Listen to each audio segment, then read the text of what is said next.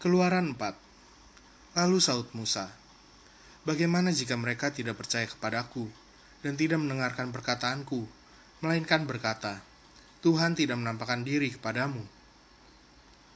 Tuhan berfirman kepadanya, Apakah yang di tanganmu itu?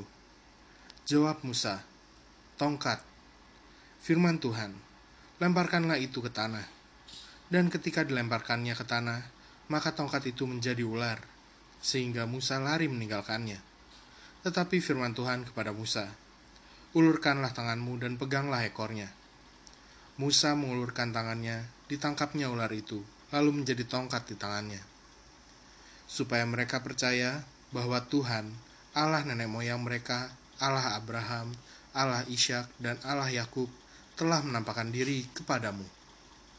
Lagi firman Tuhan kepadanya, Masukkanlah tanganmu ke dalam bajumu. Dimasukkannya tangannya ke dalam bajunya, dan setelah ditariknya keluar, maka tangannya kena kusta, putih seperti salju. Sesudah itu firmannya, masukkanlah tanganmu kembali ke dalam bajumu. Musa memasukkan tangannya kembali ke dalam bajunya, dan setelah ditariknya keluar, maka tangan itu pulih kembali seperti seluruh badannya. Jika mereka tidak percaya kepadamu dan tidak mengindahkan tanda mukjizat yang pertama, maka mereka akan percaya kepada tanda mukjizat yang kedua.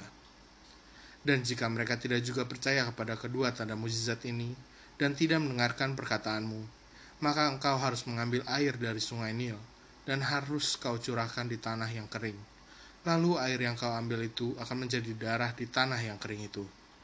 Lalu kata Musa kepada Tuhan, Ah Tuhan, aku ini tidak pandai bicara, dahulu pun tidak, dan sejak engkau berfirman kepada hambamu pun tidak, sebab aku berat mulut dan berat lidah tetapi Tuhan berfirman kepadanya, Siapakah yang membuat lidah manusia? Siapakah yang membuat orang bisu atau tuli, membuat orang melihat atau buta? Bukankah aku, yakni Tuhan? Oleh sebab itu, pergilah. Aku akan menyertai lidahmu dan mengajar engkau apa yang harus kau katakan. Tetapi Musa berkata, Ah Tuhan, utuslah kiranya siapa saja yang patut kau utus maka bangkitlah murka Tuhan terhadap Musa dan ia berfirman, Bukankah di situ Harun, orang Lewi itu kakakmu? Aku tahu bahwa ia pandai bicara. Lagi pula ia telah berangkat menjumpai engkau, dan apabila ia melihat engkau, ia akan bersuka cita dalam hatinya. Maka engkau harus berbicara kepadanya dan menaruh perkataan itu ke dalam mulutnya. Aku akan menyertai lidahmu dan lidahnya, dan mengajarkan kepada kamu apa yang harus kamu lakukan.'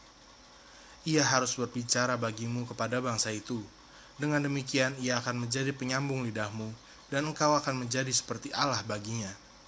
Dan bawalah tongkat ini di tanganmu, yang harus kau pakai untuk membuat tanda-tanda mukjizat.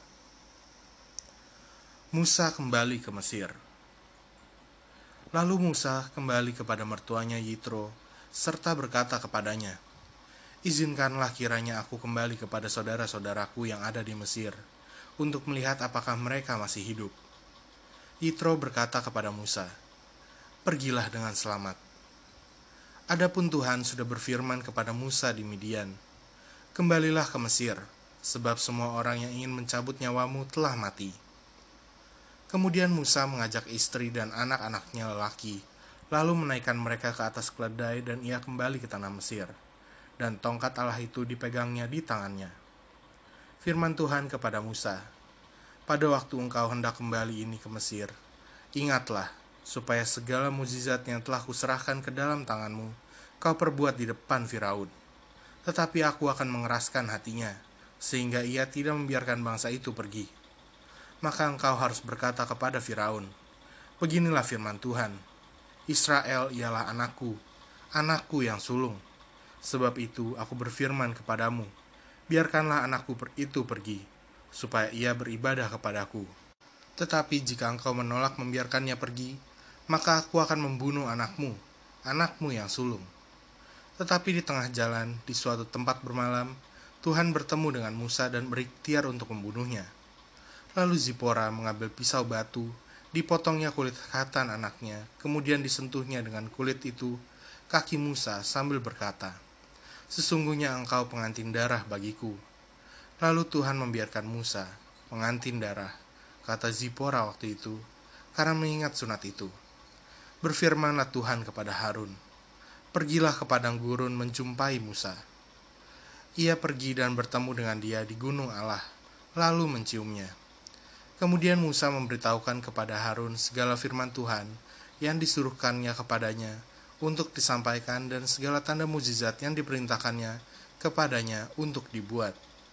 Lalu pergilah Musa beserta Harun, dan mereka mengumpulkan semua tua-tua Israel. Harun mengucapkan segala firman yang telah diucapkan Tuhan kepada Musa, serta membuat di depan bangsa itu tanda-tanda mukjizat itu.